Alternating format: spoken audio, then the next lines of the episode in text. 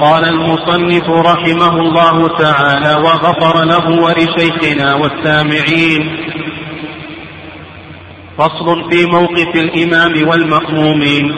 يقف المأمومون خلف الإمام ويصح معه عن يمينه أو عن جانبيه لا قدامه ولا عن يساره فقط ولا الفز خلفه أو خلف الصف إلا أن تكون امرأة. وإمامة النساء تقف في صفهم ويليه الرجال ثم الصبيان ثم النساء كجنائزهم. ومن لم يقف معه إلا كافر أو امرأة أو من علم حدثه أحدهما أو صبي في فرض ففز ومن وجد فرجة دخلها. وإلا عن يمين الإمام فإن لم يمكنه فله أن ينبه من يقوم معه. فإن صلى فزا ركعة لم تصح وإن ركع فزا ثم دخل في الصف أو وقف معه آخر قبل سجود الإمام صحت. تقدم لنا شيء من مباحث الائتمام وذكرنا فيما تقدم حكم ائتمام من يؤدي الصلاة لمن يقضيها ومن يقضي الصلاة لمن يؤديها. وكذلك أيضا حكم ائتمام المفترس بالمتنفل. وكذلك أيضا حكم الائتمام بالصبي. وتكلمنا أيضا عن اختلاف الصلاتين. وأن اختلاف الصلاتين ينقسم إلى أقسام. وذكرنا أن الذي يمتنع هو ما إذا كان الاختلاف بين الصلاتين في الأفعال اختلافا كثيرا. فهنا يمتنع الائتمام ما عدا ذلك فإن الائتمام مشروع. ثم قال المؤلف رحمه الله في درس اليوم فصل في قال فصل يقف المأمومون خلف الإمام. هذا الفصل عقده المؤلف رحمه الله لبيان موقف الإمام وموقف المأمومين سواء كان ذلك في صلاة الفرض أو كان ذلك في صلاة النفل. قال يقف المأمومون خلف الإمام. المأمومون لا يخلون من حالتين الحالة الأولى أن يكون المأموم واحدا. فإذا كان واحدا فإنه يقف عن يمين الإمام. وسيأتينا إن شاء الله حكم وقوف حكم وقوفه عن يسار الإمام أو خلف الإمام. المهم إذا كان المأموم واحدا فإنه يقف عن يمين الإمام. القسم الثاني أن يكون المأموم أكثر من واحد. فإنهم كما ذكر المؤلف رحمه الله تعالى قال يقفون خلف الإمام. ويدل لذلك حديث أنس رضي الله تعالى عنه. حديث أنس رضي الله تعالى عنه قال فقام رسول الله صلى الله عليه وسلم واليتيم معي. والعجوز من ورائنا. قال فقام رسول الله صلى الله عليه وسلم واليتيم معي والعجوز من ورائنا. وأيضا يدل لذلك أن النبي صلى الله عليه وسلم لما صلى معه جابر وجبار أقامهما خلفه. وكان في أول الأمر إذا كانوا ثلاثة فإنهم يقومون عن يمينه وشماله. لكن هذا نسخ. نعم هذا نسخ. وخفي النسخ على ابن مسعود. ولهذا ابن مسعود رضي الله تعالى عنه يرى أنهم إذا كانوا ثلاثة فإن الإمام يقوم بينهم. أحدهما يكون عن يمينه والآخر عن شماله وهذا كان في أول الأمر ثم بعد ذلك نسخ. قال المؤلف رحمه الله تعالى ويصح معه. يصح معه. يعني يصح أن يقف المأمومون مع الإمام. عن يمينه وعن شماله لكن هذا خلاف السنة. فلو وقف المأمومون عن يمين الإمام الإمام وعن شماله صحت صلاتهم. وسبق أن بينا أنه كان في أول الأمر إذا كانوا ثلاثة فإن أحدهما يقوم عن يمين الإمام والآخر عن شماله. والسنة هو تقدم الإمام يعني كون المأمومين يقومون عن يمين الإمام وعن شماله هذا خلاف السنة. السنة أن يتقدم الإمام. وعلى هذا فعل النبي صلى الله عليه وسلم والخلفاء من بعده وسائر أئمة المسلمين.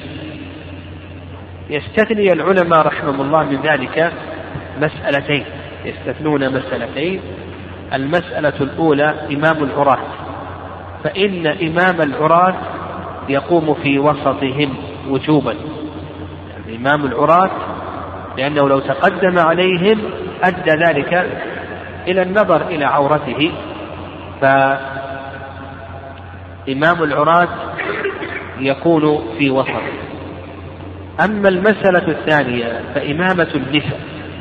إمامة النساء يستحب أن تكون في وسطهن استحبابا ولو تقدمت فلا بأس. وسيأتي إن شاء الله. قال ويصح معه عن يمينه أو عن جانبيه. قال لا قدامه. يعني لا يصح أن يقف المأموم قدام الإمام. والصلاة قدام الإمام. للعلماء رحمهم الله ثلاثة آراء فيها. الرأي الأول ما ذهب إليه المؤلف رحمه الله تعالى قال لا قدامه أي لا قدام الإمام فلا تصح للمأموم. يعني المأموم إذا أحرم كبر تكبيرة الإحرام قدام الإمام فإن صلاته لا تصح. وهذا ما ذهب إليه المؤلف رحمه الله تعالى والقول بعدم الصحة هو رأي جمهور العلماء. والرأي الثاني أنها تصح. وهو ما ذهب إليه مالك رحمه الله. والرأي الثالث أنها تصح في حال الزحام. كما هو اختيار شيخ الإسلام تيمية رحمه الله تعالى. إذا كان هناك عذر وحاجة فإنها تصح قدام الإمام. بل أرى في هذه المسألة ثلاثة. الرأي الأول ذهب إليه المؤلف رحمه الله أنها لا تصح واستدلوا على ذلك؟ بفعل النبي صلى الله عليه وسلم فإن النبي صلى الله عليه وسلم كان يقوم ويتخلف الصحابة خلفه كذلك أيضا الخلفاء الراشدون. كما سبق أن ذكرنا أن النبي صلى الله عليه وسلم أدار جابرا وجبار إلى ورائه. وأما الذين قالوا بأنها تصح قدام الإمام كما قال الإمام مالك رحمه الله تعالى قال بأن كون المأموم يكون قدام الإمام هذا لا يمنعه من الاقتداء فهو يتمكن من أن يقتدي بإمامه. ولو كان قداما له. وأما ما ذهب إليه شيخ الإسلام تيمية رحمه الله أنها تصح عند الحاجة عند العذر. إذا كان هناك حاجة وعذر فإن هذا جائز ولا بأس به. دليله على ذلك أن تقدم الإمام على المأموم هذا من واجبات الصلاة. وإذا كان من الواجبات فإنه يسقط بالعدل. ونظير ذلك ما سيأتينا إن شاء الله. المصافة واجبة يعني يجب على المأموم أن يدخل في الصف ولا يصح أن يصلي خلف الصف. لكن هذه المصافة تسقط بالعدل. فإذا اكتمل الصف كما سيأتينا إن شاء الله فإن المصافة تسقط وتصح الصلاة خلف الصف. نعم مع أنه ورد النهي عن ذلك كما في حديث وابص أو حديث علي بن شيبان كما سيأتينا إن شاء الله. فنقول بأن التقدم هذا من واجبات الصلاة ويسقط بالعجز. نظيره كما أسلفنا المصافة من واجبات الصلاة وتسقط بالعجز عنها. قال المؤلف رحمه الله تعالى ولا عن يساره هذه المسألة من مفردات المذهب من مفردات مذهب الحنابلة. أن الصلاة لا تصح عن يسار الإمام مع خلو يمينه. يعني لو أن المأموم وقف عن يسار الإمام ويمينه خال فإن صلاته لا تصح. وعند جمهور أهل العلم أن صلاته صحيحة. أما الذين قالوا بأنها لا تصح فقالوا بأن بأن النبي صلى الله عليه وسلم أدار ابن عباس لما كبر ابن عباس رضي الله تعالى عنهما عن يمين النبي عن يسار النبي صلى الله عليه وسلم أداره النبي عليه الصلاة والسلام من يساره إلى يمينه. وأما الذين قالوا بأنها صحيحة قالوا بأن ابن عباس أدى جزءا من الصلاة عن يسار الإمام. فهو كبر تكبيرة الإحرام عن يسار الإمام. فأدى جزءا من الصلاة عن يسار الإمام ولم يأمر الإمام النبي صلى الله عليه وسلم بالإعادة. والذي يظهر والله أعلم هو ما ذهب إليه جمهور أهل العلم وأن صلاة المأموم عن يسار الإمام صحيحة. لكن هذا خلاف الأفضل والسنة. وأما قول النبي صلى الله عليه وسلم دار ابن عباس من يساره إلى يمينه فهذا لا يدل على الوجوب لأن هذا مجرد فعل بل يدل يدل على الأفضلية والكمال. قال المؤلف رحمه الله تعالى ولا الفذ خلفه أو خلف الصف. يعني يقول لك المؤلف رحمه الله لا تصح صلاة الفذ يعني الفرد خلف الإمام. لو كان هناك إمام وخلفه مأموم واحد ما صحت صلاته. قال لك أو خلف الصف يعني مأموم صلى خلف الصف. ما حكم ذلك؟ يقول لك المؤلف رحمه الله لا يصح. وهذا هو المشهور من المذهب وأيضا هذه المسألة من المفردات من مفردات مذهب الحنابلة. واستدلوا على ذلك بحديث علي بن شيبان رضي الله تعالى عنه عن أبيه أن النبي صلى الله عليه وسلم قال لا صلاة لفرد خلف الصف لا صلاة لفرد خلف الصف. وهذا رواه الإمام أحمد. وابن ماجه وغيرهم والحديث صححه جمع أهل العلم صححه ابن خزيمة وابن حبان كذلك أيضا البوصيري وابن حزم رحمه الله. وكذلك أيضا يدل لذلك حيث وابص بن معبد أن النبي صلى الله عليه وسلم رأى رجلا يصلي خلف الصف فأمره أن يعيد. وهذا الحديث أخرجه الإمام أحمد وأبو داود والترمذي وغيرهم وكذلك صححه ابن حبان وحسنه الترمذي. الرأي الثاني رأي جمهور أهل العلم أن الصلاة خلف الصف صحيحة. واستدلوا على ذلك بما تقدم من حديث أنس رضي الله تعالى عنه قال والعجوز من ورائنا. فالعجوز صلت خلف الصف. ما ثبت في حق النساء ثبت في حق الرجال. وكذلك أيضا أن النبي صلى الله عليه وسلم أدار ابن عباس من يساره إلى يمينه. فابن عباس أثناء الإدارة أدى جزءا من الصلاة خلف النبي صلى الله عليه وسلم. والرأي الثالث واختيار شيخ الإسلام تيمية رحمه الله أن المصافة واجبة لكنها تسقط مع العذر. والعذر اكتمال الصف فإذا كان الصف مكتملا فإن المصافة تسقط. لأن الواجبات تسقط بالعجز عنها. وهذا القول وسط. لأن هذا القول وسط بين رأي الحنابلة رحمهم الله الذين يقولون بأن الصلاة لا تصح.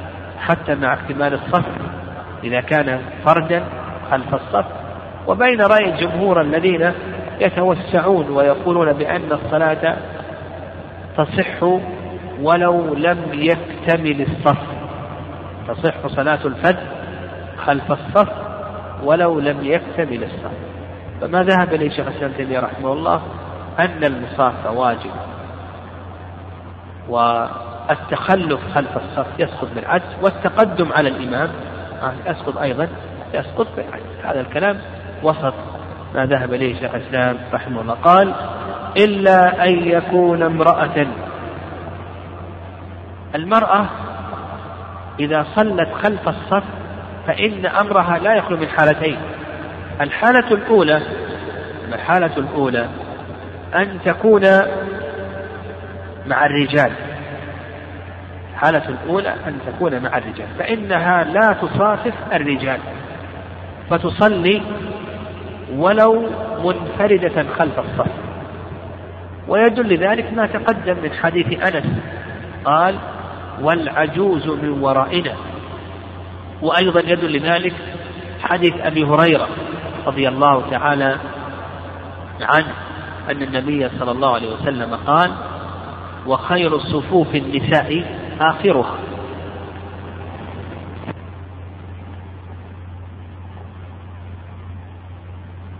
فدل ذلك على أن موقف المرأة إذا كانت مع الرجال أنها تكون في المؤخرة وأنها ما تختلط بالرجال. طيب. الحالة الثانية أن تكون المرأة مع النساء. فحكم المرأة مع النساء كالرجل مع الرجال. وعلى هذا إذا صفت المرأة خلف صف النساء ها ماذا نقول؟ حكم الصلاة هنا؟ نقول لا تصح إلا إذا اكتمل الصف حينئذ تسقط المصافة. كذلك أيضا لو أن امرأة صفت عن يسار امرأة. ماذا نقول؟ على المذهب لا يصح وعلى رأي الجمهور يصح وعلى هذا فقط. فنقول حكم المرأة مع النساء كحكم الرجل مع الرجال لكن المرأة مع الرجال. مرأة مع الرجال نقول بأن موقفها خلف الصف ولا تخالط الرجال. قال إلا أن يكون امرأة قال وإمامة النساء تقف في صفهن.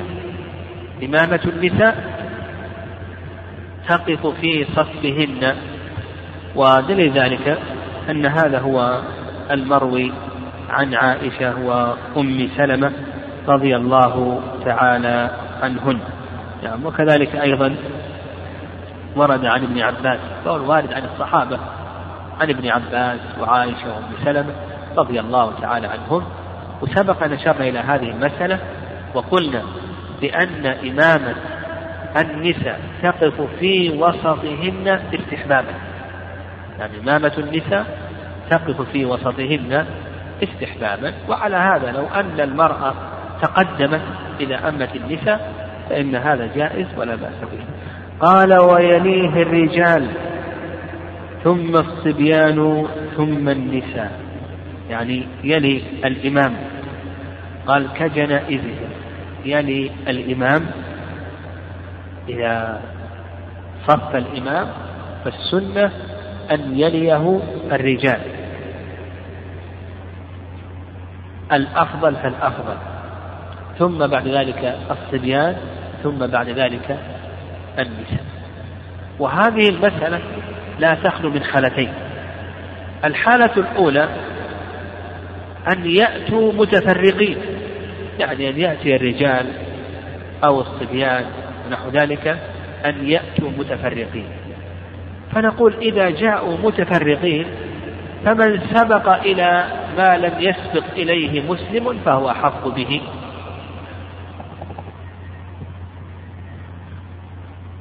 فلو أن هذا الرجل ولو كان دون غيره في الفضيلة سبق.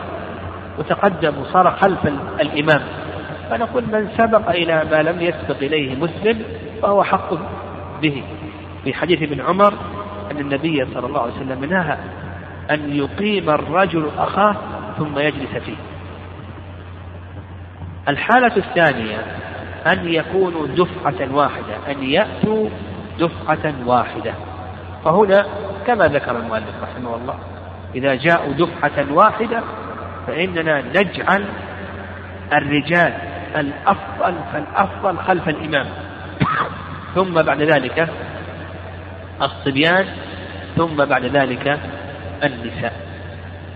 ويدل لذلك قول النبي عليه الصلاة والسلام كما في صحيح مسلم ليلني منكم أولو الأحلام والنهى.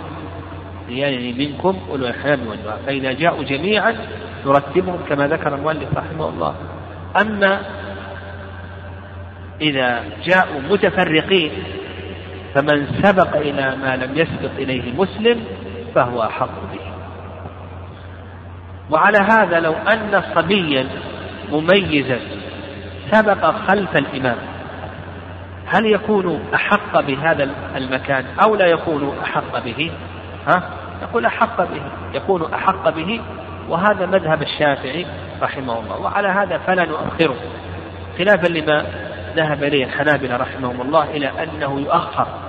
نعم الصواب في ذلك أن من سبق إلى ما لم يسبق إليه مسلم فهو أحق به وأننا لا نؤخره كما يقول الحنابلة رحمهم الله. قال كجنائزهم. كجنائزهم. يعني إذا جاء عندنا عدة جنائز. وأردنا أن نصلي على هذه الجنائز. فمن نقدم إلى جهة الإمام؟ من نقدم إلى الإمام؟ ها؟ نبدأ نقول بالرجال الأفضل فالأفضل ثم بعد ذلك الصبيان ثم بعد ذلك النساء فنجعل الجنازة الأولى التي فلو مثلا جاء عندنا ثلاث جنائز رجل وصبي وامرأة نبدأ بالرجل. فنجعله نجعله يلي الإمام ثم بعد الرجل الصبي ثم بعد الصبي المرأة. قال المؤلف رحمه الله تعالى كجنائزهم ومن لم يقف معه إلا كافر أو امرأة أو من علم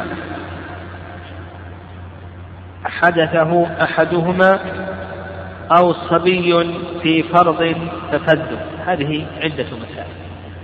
المسألة الأولى قال لك المؤلف رحمه الله ومن لم يقف معه إلا كافر.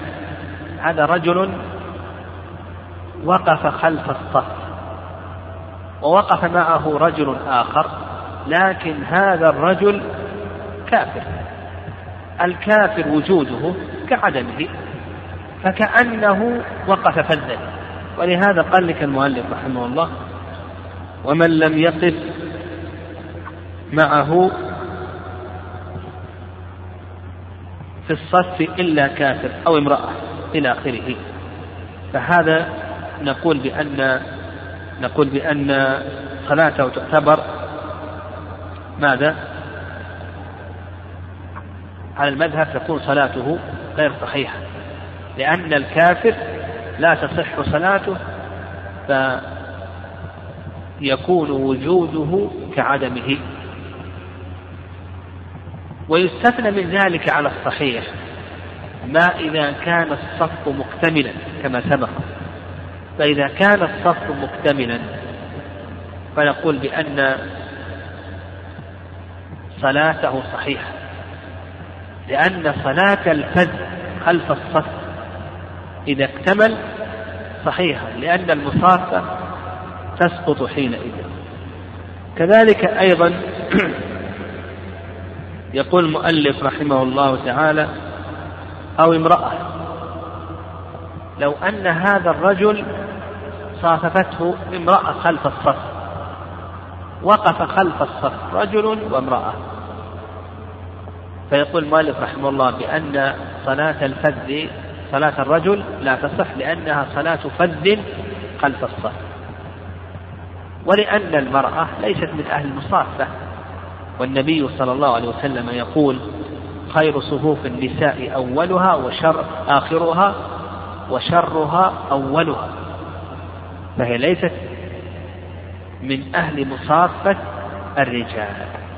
والرأي الثاني رأي المالكية والشافعية أن آه نعم رأي المالكية والشافعية أنه لا يعتبر فدا لكن اللي يظهر والله أعلم وما ذهب إليه الحنابلة رحمهم الله لأن المرأة ليست من أهل مصافة الرجال.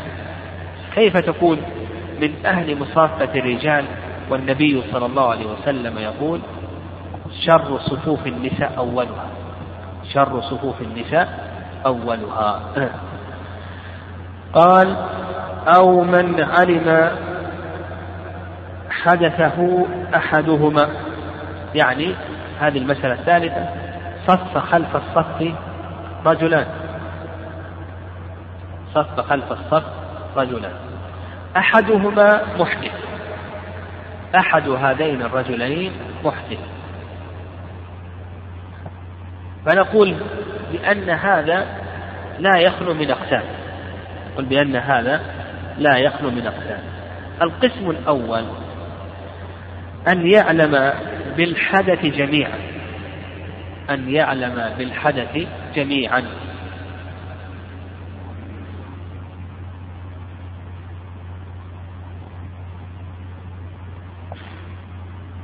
فنقول بأن صلاتهما جميعا باطلة. أما المحدث فصلاته باطلة. وأما المتطهر فإنه يكون فذا خلف الصف. لأن صلاة لأن وجود المحدث الآن كعدمه لكون صلاته باطلة. لكن نستثني من ذلك ماذا؟ ما إذا كان الصف مكتملا. فنقول إذا علم بحدثهما جميعا نقول إذا علم بحدث المحدث جميعا فإن صلاتهما لا تصح. القسم الثاني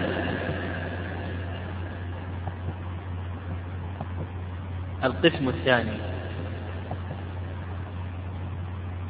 أن يجهل حدث المحدث يعني صف اثنان وجهل أن أحدهما محدث. فنقول أما صلاة المحدث فهذه باطلة. وأما صلاة غير المحدث فإنها صحيحة لأنه جاهل لا يدري أن صاحبه محدث يظنه متطهر. ونقول بأن صلاته صحيحة للجهل. ومثل ذلك أيضا ما مثل ذلك أيضا ما إذا صافف كافرا وهو يجهل. يعني إذا صاف الكافر قلنا بأنه فذ لكن هذا مع العلم. لكن إذا كان يجهل أنه كافر فنقول هنا تصح صلاته ولو كان فذا للعذر. نعم العذر للجهل. مثل أيضا هنا إذا كان يجهلان الحدث فنقول أما صلاة المحدث فباطلة وأما صلاة غير المحدث فنقول بأنها صحيحة. القسم الثالث أن يعلم المحدث بحدثه أن يعلم المحدث بحدثه. وغير المحدث يجهل حدث صاحبه. أن يعلم المحدث بحدثه. وغير المحدث يجهل حدث صاحبه. المحدث وش حكم صلاته؟ باطل. غير المحدث ها؟ على الصحيح أنها صحيحة لكن على المذهب أيضا يرون أنها باطلة. لكن الصواب أنها صحيحة. طيب القسم الرابع عكس هذه المسألة. المحدث لا يعلم بحدثه ومن صافه يعلم بحدثه. ها؟ شو الحكم هنا؟ نقول بأن صلاة كل منهما باطلة. المحدث لا يعلم بحدثه ومن صافه يعلم بحدثه. فالمحدث صلاته باطلة. والمصافف أيضا نقول بأن صلاته باطلة لأنه في الحقيقة قد يعرف أن هذا محدث وأن صلاته وجودها كعدمها قال رحمه الله أو صبي في فرض. طيب هذا بالنسبة للحدث. طيب إذا كان أحدهما عليه خبث عليه نجاسة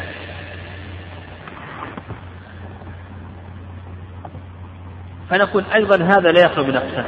القسم الأول القسم الأول أن يعلم كلاهما بالخبث أن يعلم كلاهما بالخبث فنقول بأن صلاتهما باطلة. أما المتنجس فلأنه فقد شرطا من شروط صحة الصلاة وأما المصافف فلأنه يعرف أن صلاة من بجانبه باطلة فهو فذ إلا إذا كان الصف إذا كان الصف مكتملا. القسم الثاني أن يجهل بالخبث فنقول بأن صلاة كل منهما صحيحة. أما المتنجس فهو معفو عنه. وتصح الصلاة بالنجاسة مع الجهل. متنجس نقول معفو عنه. وتصح الصلاة بالنجاسة مع الجهل.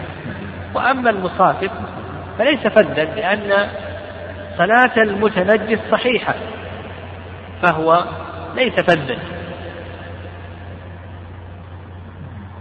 القسم الثالث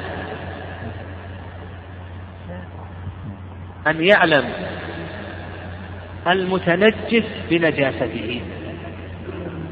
وأما المصافف فإنه يجهل. فنقول المتنجس في حكم صلاته. باطلة كونه يعلم. وأما المصافف فالصواب أنها صحيحة. والمصافف نقول الصواب أنها صحيحة لأنه معذور بالجهل.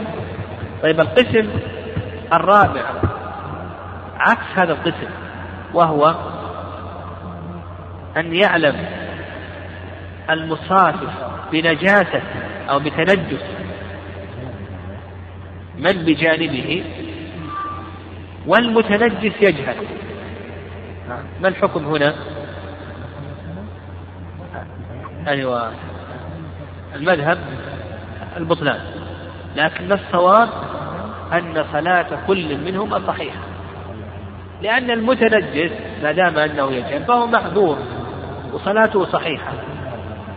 والمصافف الذي يعلم بنجاسة صاحبه ليس فذا لأن صلاة صاحبه صحيحة فهو ليس فذا. فنقول القسم الرابع أن يعلم المصافف بتنجس من بجانبه والمتنجس لا يعلم بنجاسته فنقول المتنجس تصح صلاته لكونه معذور لكونه معذورا من جهل وأما من صافه فأيضا تصح صلاته لأنه ليس فذا لكون من بجانبه صلاته صحيحة. قال رحمه الله أو صبي في فرض ففذ أيضا يقول المؤلف رحمه الله إذا صلى خلف الصف بالغ وصبي فلا تصح صلاة البالغ. حكم حكم ماذا؟ الفذ. لكون المصافف صبيا. لكون المصافف صبيا. وهذا ما ذهب إليه المؤلف رحمه الله تعالى. والرأي الثاني رأي جمهور العلم أن الصبي تصح مصافته وهذا القول هو الصواب. ويدل لذلك أن الصبي تصح إمامته. إذا صحت إمامته كما في عين عمرو بن سلم أنه أما قومه وهو ابن ست أو سبع سنوات فإذا صحت إمامته من باب أولى. أن تصح مصافته. فالصواب ما ذهب إليه الجمهور. وأيضا حيث أنس أن أنس قام خلف النبي صلى هو اليتيم والعجوز من ورائه. قال رحمه الله ومن وجد فرجة دخلها فرجة الخلل في الصف فإذا جاء الإنسان ووجد فرجة فإنه يدخل في هذه الفرجة. قال لك وإلا عن يمين الإمام. وهذا هو السنة. السنة أن يعني من تسوية الصف كما تقدم لنا. أننا نكمل الصف الأول فالأول. النبي صلى الله عليه وسلم يقول ألا تصفون كما تصف الملائكة عند ربك؟ قالوا يا رسول الله وكيف تصف الملائكة عند ربها؟ قال يتمون الصفوف الأول ويتراصون فالسنة إذا جاء الإنسان وجد خللا في أطراف الصف أن يكمل الصف وأن يسد هذا الخلل. ومن وصل صفا وصله الله. وهذا خلاف ما عليه كثير من الناس. تجد أن الصف لم يكتمل ويذهب ويشرع في صف آخر. هذا خلاف السنة. ولهذا قال لك المؤلف ومن وجد فرجة دخلها. طيب ما وجد شيء؟ وجد الصف مكتملا. قال وإلا عن يمين الإمام. يعني إذا جئت ما وجدت فرجة الصف مكتمل تتقدم. وتصلي عن يمين الإمام. لأن يمين الإمام موقف واحد فيصلي عن يمين الإمام. وهذا ما ذهب إليه المؤلف رحمه الله. وعند شيخ الإسلام تيمية رحمه الله ماذا؟ نعم أنه يقف خلف الصف والمصافة هنا تسقط لوجود العذر فيما تقدم. قال فإن لم يمكنه فله أن ينبه من يقوم معه. يعني هذا الكلام ما نحتاج إليه. إذا أخذنا بكلام شيخ الإسلام تيمية رحمه الله ما في حاجة إلى أن يتقدم عن يمين الإمام ولا في حاجة أيضا أن ينبه يقول يا فلان تأخر لكي تصلي معي. أو كما يقول بعض العلماء أنه يجر شخصا من الصف إلى آخره لكي يقف معه. إذا أخذنا بكلام شيخ الإسلام تيمية رحمه الله لا حاجة إلى هذا كله ونقول بأن المصافة سقطت بالعجز عنها وتصح الصلاة خلف الصف قال فإن لم يمكنه فله أن ينبه من يقوم معه يعني ينبهه بكلام أو بإشارة أو نحنحة ونحو ذلك. قال فإن صلى فذا ركعة لم تصح. تقدم ذكرنا أن الصواب في هذه المسألة أن المصافة تسقط بالعجز عنها وذلك إذا اكتمل الصف وعند الجمهور كما سلف أن المصافة ليست واجبة فتصح صلاة الفرد تصح صلاة الفرد خلف الصف قال رحمه الله وإن ركع فذ ثم دخل في الصف أو وقف معه آخر قبل السجود الإمام صحت يقول المؤلف رحمه الله تعالى إن ركع فذا ثم دخل الصف أو وقف معه آخر قبل سجود الإمام صح المذهب في هذه المسألة ينقسم إلى قسمين. يعني صورة هذه المسألة رجل ركع دون الصف. رجل ركع دون الصف.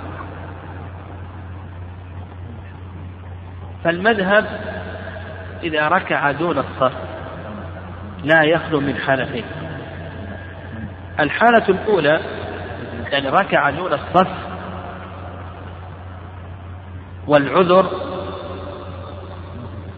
هو خشية فوات الركعة. يعني وجد الإمام راكعا فوقف خلف الصف. لكي يدرك الركعة. جاء والإمام راكع فركع خلف الصف. فالمذهب أن هذا لا يخلو من حالتين الحالة الأولى أن يدخل في الصف أو أن يقف معه آخر قبل سجود الإمام. كما قال المؤلف ثم دخل في الصف أو وقف معه آخر قبل سجود الإمام. فنقول بأن صلاته صحيحة. الحالة الأولى أن يكون ذلك لعذر والعذر هو أن يخشى فوات الركعة. فإذا دخل في الصف أو وقف معه آخر قبل سجود الإمام فصلاته صحيحة. الحالة الثانية أن يفعل ذلك لغير عذر. راكع دون الصف لغير عذر. أو نقول كبر دون الصف لغير عذر. لا يخشى فوات الركعة. نعم لا يخشى فوات الركعة. فيقولون إن دخل في الصف أو وقف معه آخر قبل أن يرفع الإمام رأسه من الركوع صحت وإلا فلا تصح أعيد الحالتين إذا ركع دون الصف. الحالة الأولى أن يكون لعذر. والعذر هو ماذا؟ أن يخشى فوات الركعة. فإن دخل في الصف أو وقف معه آخر قبل سجود الإمام صحت الحالة الثانية أن يكون لغير عذر لا يخشى فوت الركعة. فإن دخل في الصف أو وقف معه آخر قبل أن يرفع الإمام رأسه من الركوع صحت وإلا لم تصح. نعم وهذا المذهب. نعم آه هذا هو المذهب. طيب الرأي الثاني في المسألة الرأي الثاني في المسألة. نقول إذا كبر دون الصف لا يخلو من حالتين. الحالة الأولى أن يكون لعذر والعذر هنا اكتمال الصف نقول أن يكون لعذر والعذر هنا اكتمال الصف ها فما حكم صلاته؟ نقول بأن صلاته صحيحة كما سبق الحالة الثانية أن يكون لغير عذر يعني الصف لم يكتمل. فهنا نقول لا بد أن يدخل في الصف أو أن يقف معه آخر قبل ماذا؟ قبل أن يرفع الإمام من الركوع. لا بد أن يدخل في الصف أو أن يقف معه آخر قبل أن يرفع الإمام رأسه من الركوع. قال المؤلف رحمه الله فصل يصح اقتداء المأموم بالإمام في المسجد. وإن لم يرى. المأموم المأموم لا يخلو من حالتين. الحالة الأولى أن يكون في المسجد. فيصح في أي مكان من المسجد. إذا كان في المسجد فإن صلاته صحيحة في أي مكان من المسجد. في أي مكان من المسجد. لكن بشرط ألا يكون فذا أن يكون معه من يزيل فذيته وأن يمكنه الاقتداء. فإذا تمكن من الاقتداء ومعه من يزيل فذيته فنقول بأن صلاته ماذا؟ نقول بأن صلاته صحيحة. فلو فرضنا أن المأموم في السطح والناس يصلون في الأسفل أو أنه في شرق المسجد والناس يصلون في غربه. فنقول بأن صلاته صحيحة لكن كما تقدم بشرط أن يكون معه من يزيل فذيته لما تقدم أنه لا صلاة الفرد خلف الصف وأن يمكنه الاختلاف إذا كان كذلك كفى ذلك. طيب الحالة الثانية أن يكون المأموم خارج الصف. يعني الحالة الثانية أن يكون المأموم خارج الصف. آه، خارج المسجد. أن يكون المأموم خارج المسجد. يعني يصلي في السوق في الشارع يصلي في البيوت كما يوجد عند المسجد الحرام. بعض الناس يصلون في الشوارع أو يصلون في البيوت ونحو ذلك. فما حكم الصلاة حينئذ؟ يعني ما حكم الصلاة حينئذ؟ ومثل ذلك أيضا الصلاة خلف وسائل الإعلام التي تنقل الصلوات مباشرة. هل يصح الائتمام بهذا الإمام الذي تنقل صلاته أو نقول بأن هذا لا يصح المهم عندنا الحالة الثانية إذا كان المأموم خارج المسجد قال لك المؤلف رحمه الله يصح اقتداء المأموم بالإمام في المسجد وإن لم يره ولا من وراءه إذا سمع التكبير. قال وكذا خارجه إن رأى الإمام أو المأمومين فالمذهب إذا كان المأموم خارج المسجد فإنه يصح أن يقتدي بالإمام بشرط أن يرى الإمام أو يرى بعض المأمومين ولو في بعض الصلاة. وبشرط ألا يكون هناك فاصل من نهر تجري فيه السفن أو طريق. يعني على المذهب لا بد من شرطين. الشرط الأول الرؤية. أن يرى الإمام أو بعض المأمومين ولو في بعض الصلاة. الشرط الثاني ألا يكون هناك فاصل من طريق أو نهر تجري فيه السفن إلا إذا اتصلت الصفوف وصلى الناس في هذا الطريق.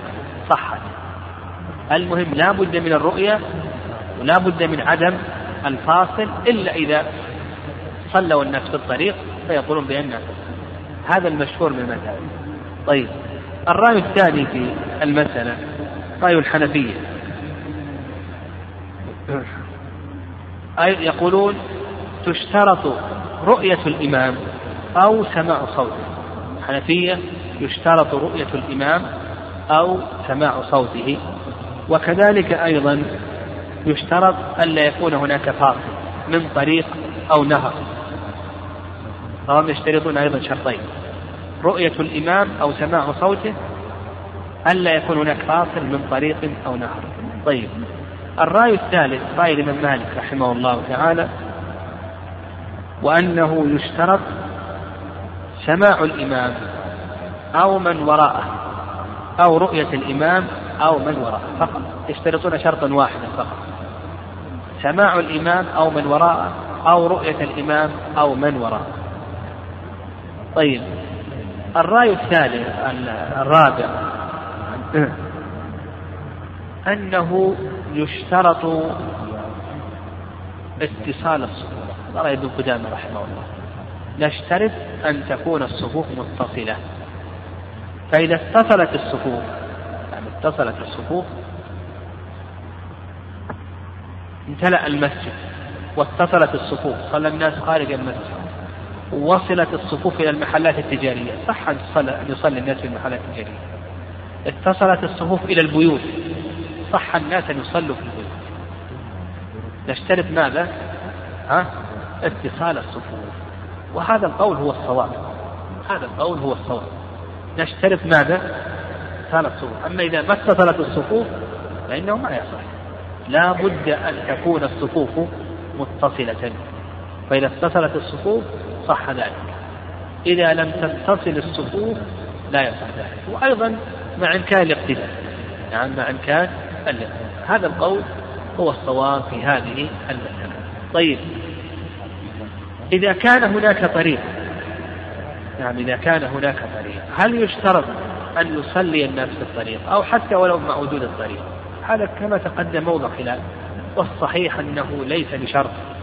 نعم الصحيح أنه ليس بشرط. حتى لو كان قطع بين الصفوف طريق نعم لو قطع بين الصفوف طريق فنقول بأن الصلاة صحيحة. المهم أن تكون الصفوف متصلة. فإذا كانت الصفوف متصلة صح ذلك. هذا الذي نشترطه. لأن الجماعة عبادة. وهذه العبادة شرعت على كيفية معينة. كيفية الكيفية المعينة لهذه العبادة هي الاجتماع. ولا يكون هذا الاجتماع إلا إذا كانت الصفوف ماذا؟ ها؟ إذا كانت الصفوف متصلة.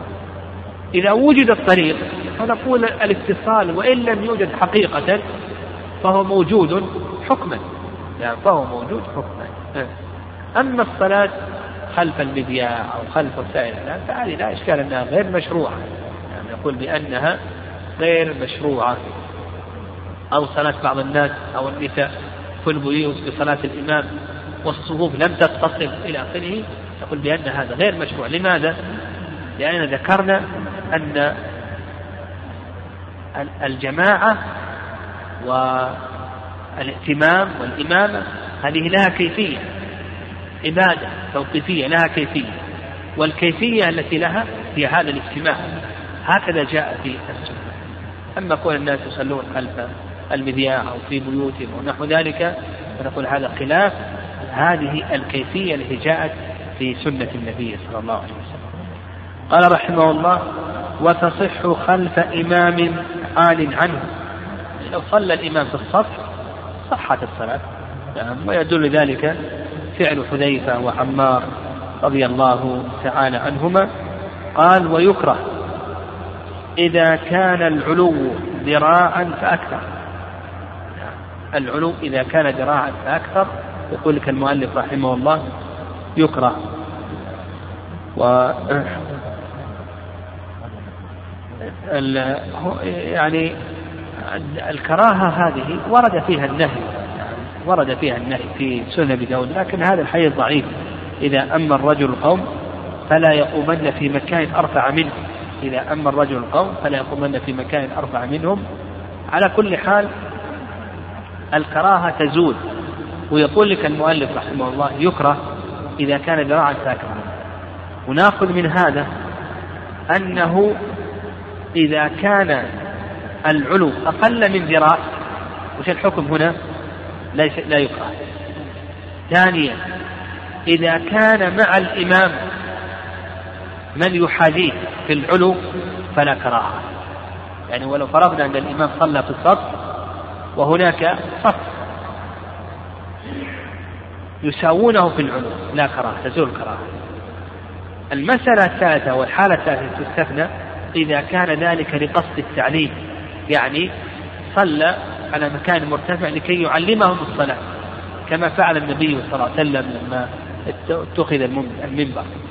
فتلخص لنا أن الكراهة إذا الكراهة ما هي تقول؟ إذا كانت ذراعا فأكثر.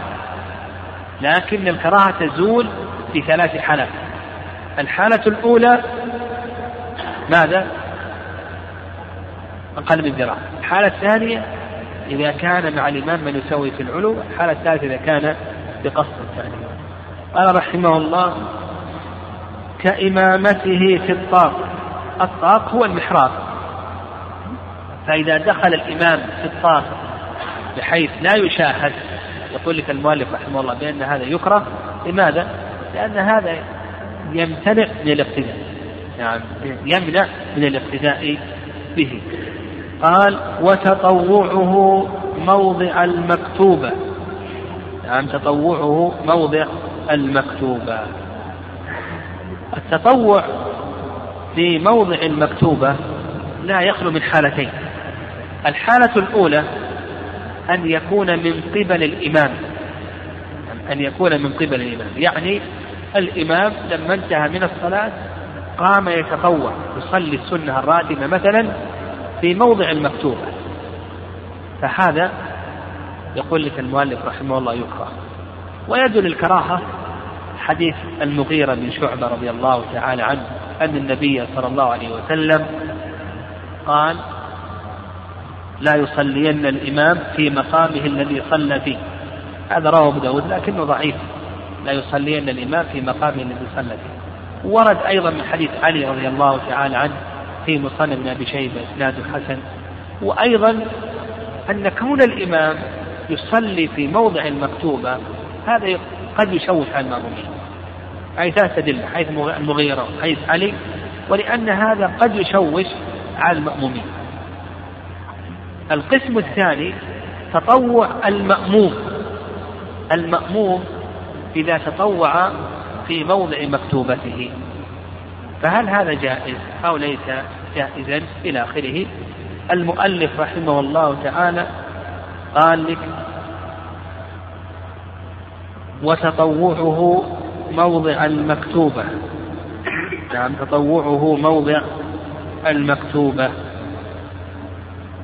فظاهر كلام المؤلف رحمه الله أنه يكره نعم أنه يكره أن يتطوع في موضع مكتوبة ويدل لذلك حديث معاوية رضي الله تعالى عنه أن النبي صلى الله عليه وسلم نهى أن توصل صلاة بصلاة حتى نتكلم أو نخرج. رواه مسلم. وكونه يصلي في المكتب يصلي ثم بعد ذلك يصلي النافلة مباشرة هذا داخل في وصف الصلاة بالصلاة وعلى هذا نقول نقول إذا كان هذا من قبيل ما يشبه الصلة كأن ينتهي الإمام من الصلاة ويسلم المأموم ثم يقوم مباشرة يصلي المكتوبة دون أن يسبح ها؟ فهذا داخل في النهي نقول بأنه يكره. يعني سلم المأموم ثم قام مباشرة يصلي تطوعا. نقول هذا داخل في نهي من سلم إنه نهى أن توصل صلاة بصلاة حتى نتكلم ونخرج. الحالة الثانية أن يكون هناك فاصل من التسبيح أو الكلام ونحو ذلك فهذا الكراهة تحتاج إلى دليل. لكن الأولى نقول, نقول الأولى. أما الكراهة فنقول بأنها تحتاج إلى دليل. فنقول الأولى ألا يصلي في موضع المكتوبة لكن كونه يكره نقول بأن هذا يحتاج إلى دليل قال إلا من حاجة. يعني يقول لك لا بأس أن يصلي في موضع المكتوبة إذا كان هناك حاجة. ما هي الحاجة؟ ما وجد مكانا خاليا كان يكون هناك زحام. لم يجد مكانا خاليا فلا بأس فالكراهة تزول بالحاجة.